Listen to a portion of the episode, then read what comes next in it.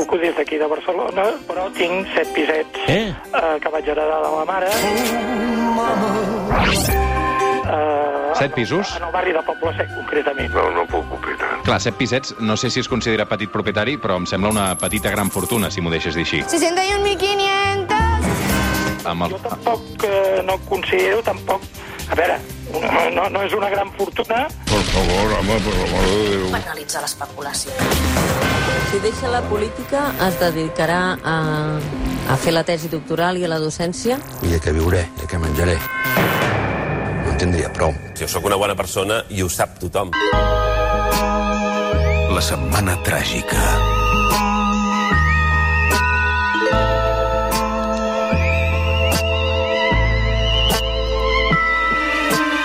Som al Suplement, som a Catalunya Ràdio, això és la Setmana Tràgica. Avui a l'estudi de Catalunya Ràdio amb el Toni Rodon, doctor europeu en Ciències Polítiques, investigador a la London School of Economics. Què tal? Bon dia, bona hora. Si Com tu estem? deixessis la docència, a què et dedicaries? De què viuries, Toni Rodon? Uh, gran pregunta. Fer vídeos de TikTok, probablement. A Londres encara hi tenim el Ion Sindreu, periodista, columnista al Wall Street Journal. Què tal, Ion? Què vol dir encara? Què vol dir encara?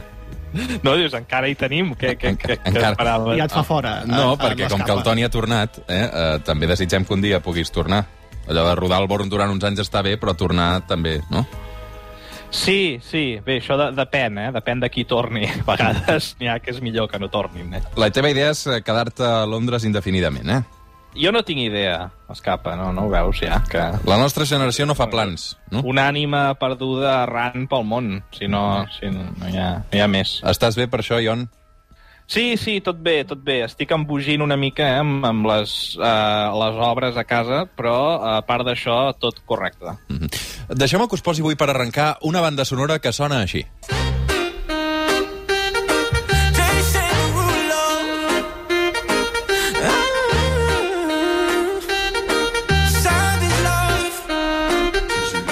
Això que estem sentint és Savage Love de Jason Derulo, una de les cançons més irritants de TikTok i que més es propaga perquè això de fer vídeos curts amb músiques eh, doncs és una de les tendències d'aquesta xarxa social que avui volem afrontar la clau de l'èxit d'aquesta xarxa social amb el Toni Rodon i el, i el Ion Sindreu. Eh? Eh, sense voler fer de, de sociòleg, eh, Rodon, per què tenim aquestes xarxes socials i per què especialment TikTok té l'èxit que té entre els joves, Toni? Bé, aquí hi ha dues preguntes. La primera és per què tenim xarxes socials. De fet, buscant-ho una mica, la recerca que s'ha fet fins ara no, no ho té massa clar. En general s'apunten dos motius. Un perquè ens dona gratificació personal i l'altre perquè tots necessitem una dimensió social a l'hora de fer el, el, els nostres exercicis. És a dir, que si anem a córrer, per exemple, això ens dona gratificació personal, a alguns, i també ens dona una dimensió social, perquè tu pots penjar-te un selfie a dalt de la muntanya dient «Ei, he fet tants quilòmetres», no?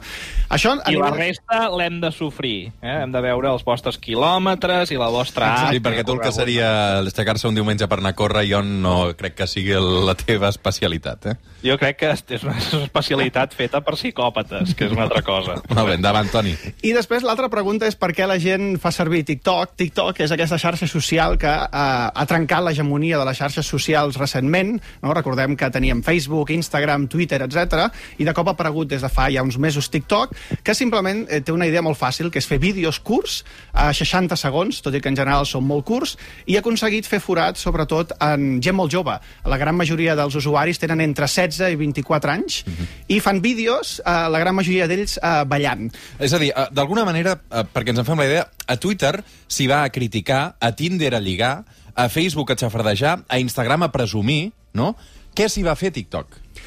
Jo, des del meu punt de vista de 35 anys, encara no ho he entès, però eh, en general, quan tu veus els joves fent eh, balls a TikTok, eh, hi ha dos tipus de balls. Un d'ells ballant, amb música de fons, com la que sentíem ara, i l'altre, el, el gran vídeo famós, és gent fent veure que canta una cançó eh, i reproduint la cançó eh, com, amb, amb els llavis. I ja està, és això. Eh, després de passar-m'hi hores mirant els vídeos, potser en Joan ens ajuda, jo no si, encara ente, si no va a passar l'estona, com un divertimento. Sí, i en general, uh, de mitjana, la gent hi passa una hora i mitja. A Al TikTok, dia? Al dia, una hora i mitja. Carai. I, de fet, hi ha 25% de les persones que passen unes 3 hores al dia. Per tant, de fet, uh, quan venia aquí a la ràdio, una, una amiga m'ha escrit i em diu escolta, parleu de TikTok avui, no? I dic, jo li dic, sí.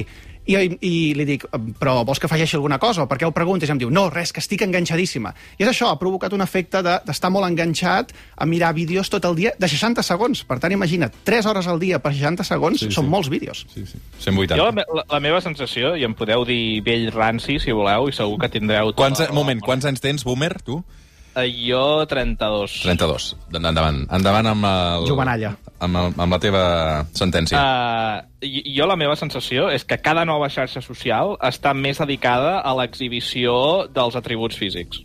Mm. La sensació que tinc. És a dir, es va començar amb Twitter no ho és gens, no? I, i, i Facebook fins a cert punt, després vam anar a Instagram, que ja, diguem, és Ja bastant comences a extrem. ensenyar pit i cuixa, sí. És bastant extrem i, i, ostres, jo, pel que he vist a TikTok, el tema és, està descontrolat. Però bé, uh, potser, potser és que sóc massa... Fem un exercici, fem un exercici. Us poso una altra cançó, d'acord? Una cançó que sona així.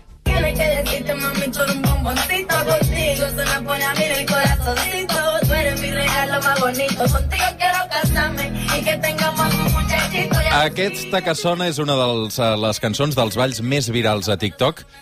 Contigo se me pone a mí el corazoncito. Tú eres mi regalo más bonito. Contigo quiero casarme y tener un muchachito. Así se tratan las mujeres. Tú puedes tener 500, pero solo en una te quiere. Y no les falles, que soy la única que por ti muere. Uh, Poesia. Entenc que els hi surt... veig, veig que TikTok uh, es treballa segurament més la rima consonant que la igualtat de gènere. Eh, Sí, home, és que la rima sonant és molt difícil, jo no la vaig entendre mai. Um, M'agrada allò del muchachito. Entenc que si surt una muchachita uh, surt per la finestra, no? Clar, és que, a veure, això no és un micromasclisme, és, és, és un nivell molt macro, de masclisme, directament. Macro Eh? masclisme. Sí, sí, sí. de fet, s'han fet estudis uh, de, de vídeos de TikTok, a un mateix vídeo, amb un mateix ball, uh, els comentaris que, que es fan en els usuaris són molt diferents si el ball el fa un home que si el fa una dona. I quan el fa una dona, els comentaris, per desgràcia, doncs són molt masclistes, són molt atacar el vídeo, etc etc. i el mateix vídeo fet per un home no rep aquest tipus A de veure, est comentari. estem fotent molta conya, però, però és una situació molt seriosa, perquè uh, és a dir, el poder que té aquesta xarxa social propagant missatges i cançons com aquesta de la Ros Maria, que es titula uh, Mi regalo más bonito, és a dir, fa por, no? Sí, uh, són missatges que, a més a més, actuen d'una forma subliminal i que van en contra, són un míssil a la línia de flotació de la igualtat de gènere, no? Perquè, com deia, un mateix vídeo uh, fet per un home o per una dona, uh, el vídeo fet per una dona uh, rep molts comentaris denigrants. I, de fet, uh, TikTok ha rebut moltes crítiques, no només per això, sinó també per promoure determinats missatges. De fet, fa dos mesos uh, va haver una gran polèmica perquè molts usuaris de TikTok començaven, doncs, tenien trastorns alimentaris, no? I es lligava una mica aquesta idea de que promovia una imatge d'un cos, d'una manera de fer que era dolenta eh, pels adolescents. Recordem que la gran majoria d'ells tenen entre 16 i 24 anys, per tant són gent molt jove i que allò que els passa els pot afectar a la resta de la seva vida. Ion, hi vols afegir alguna cosa? Uh, no, jo, jo uh, el Toni i jo, uh, uh, la setmana passada, o aquesta setmana, jo, va ser, jo va ser el primer que ho vaig mirar, llavors li vaig dir al Toni que, que ho mirés. Vam mirar un, no sé si l'has vist, Escapa, un documental de Netflix, um, en què fan allò, no...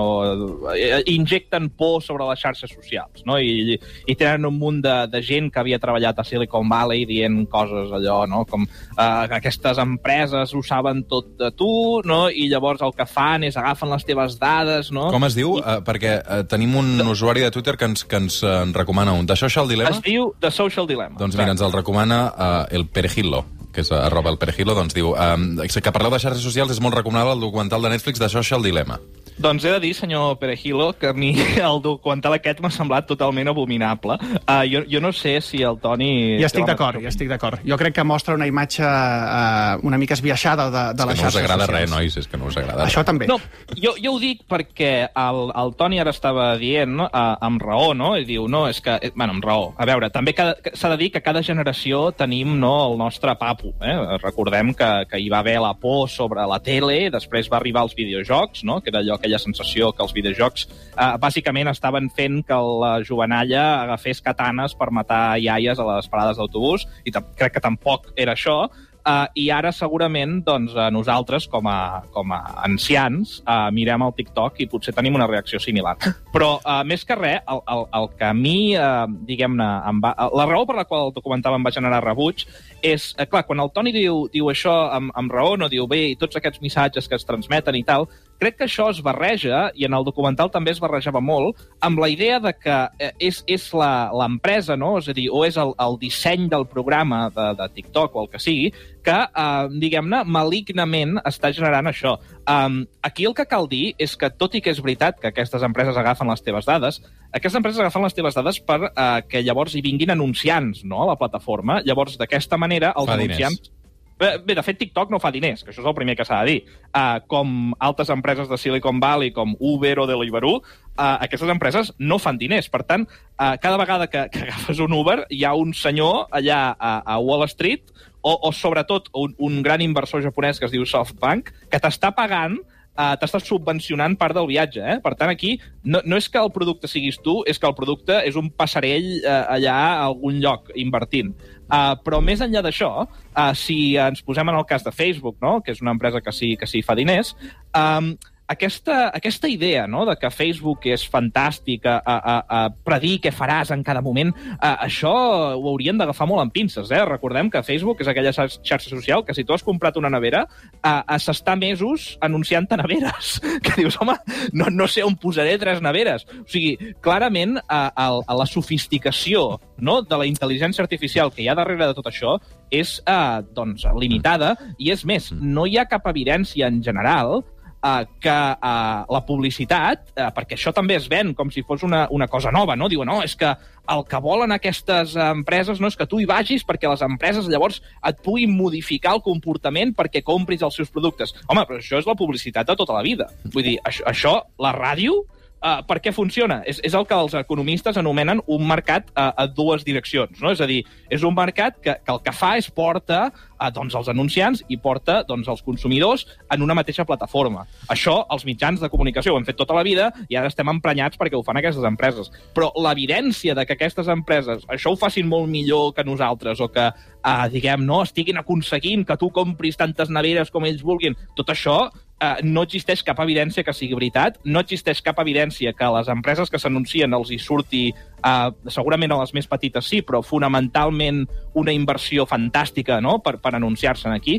Eh, I el problema, en tot cas, i jo crec que és menys el fet de que Volkswagen posant un anunci a TikTok no? o a Facebook aconsegueixi que tu compris mil Volkswagens, eh, d'això no hi ha cap evidència que sigui així. Crec que el problema és el que la gent estem fent amb aquestes xarxes socials. És a dir, no és que els de Silicon Valley fossin tan intel·ligents que amb un algoritme prediuen tot el de tu, és que precisament van crear un producte en què no van predir correctament o no ningú ha sabut veure a quins missatges s'hi acabarien difonent. I crec que TikTok és un altre exemple d'això. Una altra de les cançons més reeixides o de més èxit a aquesta hora de TikTok. Sona així. Vinga.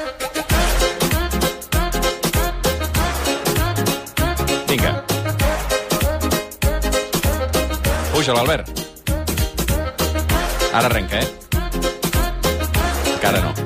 No, no, no arrenca. Eh? Espera, espera. Tampa Kurhat Beat en Carl Wine. Ara sí.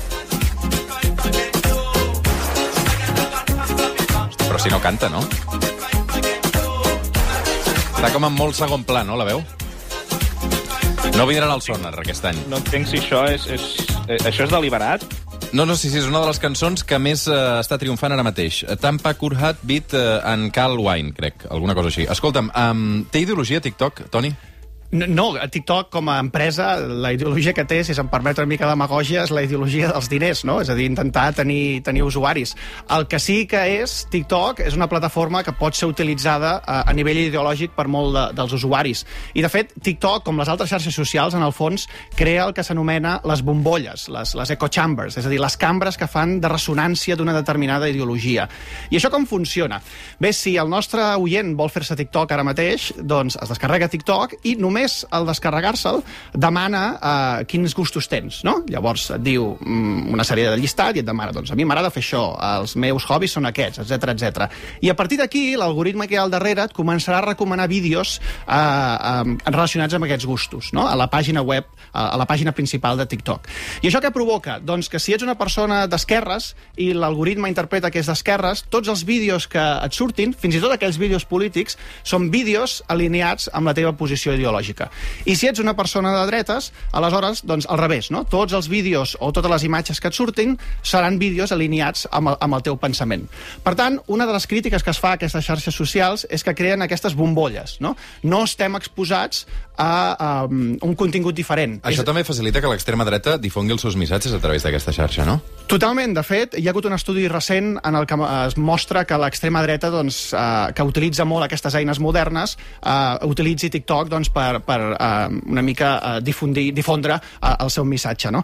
De fet, eh, a nivell polític, aquestes xarxes socials sempre estan en el punt de, en el punt de mira. Recordem que a Xina, eh, d'on és originalment a TikTok, o, o, o de fet encara en tenen la propietat, hi ha molt de contingut que s'ha prohibit uh, perquè mostraven vídeos uh, en contra de po- certes polítiques que feia el govern xinès. De fet, fins i tot Donald Trump, el president dels Estats Units, uh, ha estat molt crític, directament i indirectament, contra TikTok perquè permetia vídeos uh, en el que Per què no agrada TikTok a, protestes. a, per què no agrada TikTok a Donald Trump? Um, Ion, hi ha una qüestió de que és una empresa amb molt patrimoni xinès o Bé. hi ha més coses al darrere? No, a veure, això s'ha d'emmarcar dins una, una gran batalla geopolítica. Eh? Aquí eh, hi ha un, una de les grans eh, troles no? que es diforen sovint, eh, és aquesta idea de que l'economia és una cosa que viuen allà amb una mena d'èter no? I, i els mercats, doncs, eh, ells sols fan el que han de fer i s'equilibren. Això no és així, eh? és a dir, eh, el desenvolupament dels països i dels mercats eh, tant, tant financers com de béns i serveis eh, són una, un fet fonamentalment geopolític. I el que aquí ha passat és que la Xina ha passat de ser un país eh, subdesenvolupat a, a través d'aquestes polítiques dirigistes, no? de dir jo el que vull ara és desenvolupar, doncs diguem, el sector manufacturer. I una vegada tinc el sector manufacturer, desenvoluparé a l'aeroespacial i després desenvoluparé el tecnològic. No?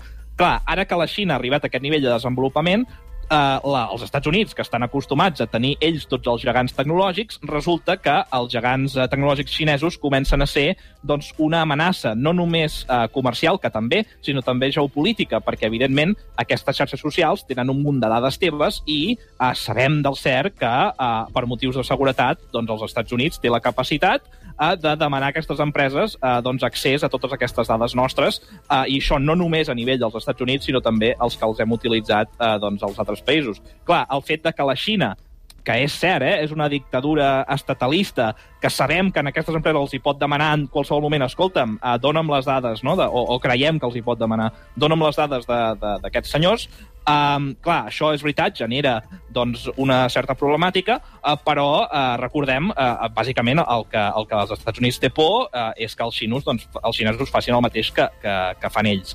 Um, en aquest sentit, Uh, doncs uh, TikTok és la primera xarxa social o la, el primer gegant tecnològic uh, xinès que la gent de fora de la Xina preferim, no? Perquè tots els altres, les altres xarxes socials, sigui doncs uh, Weibo, per exemple, no?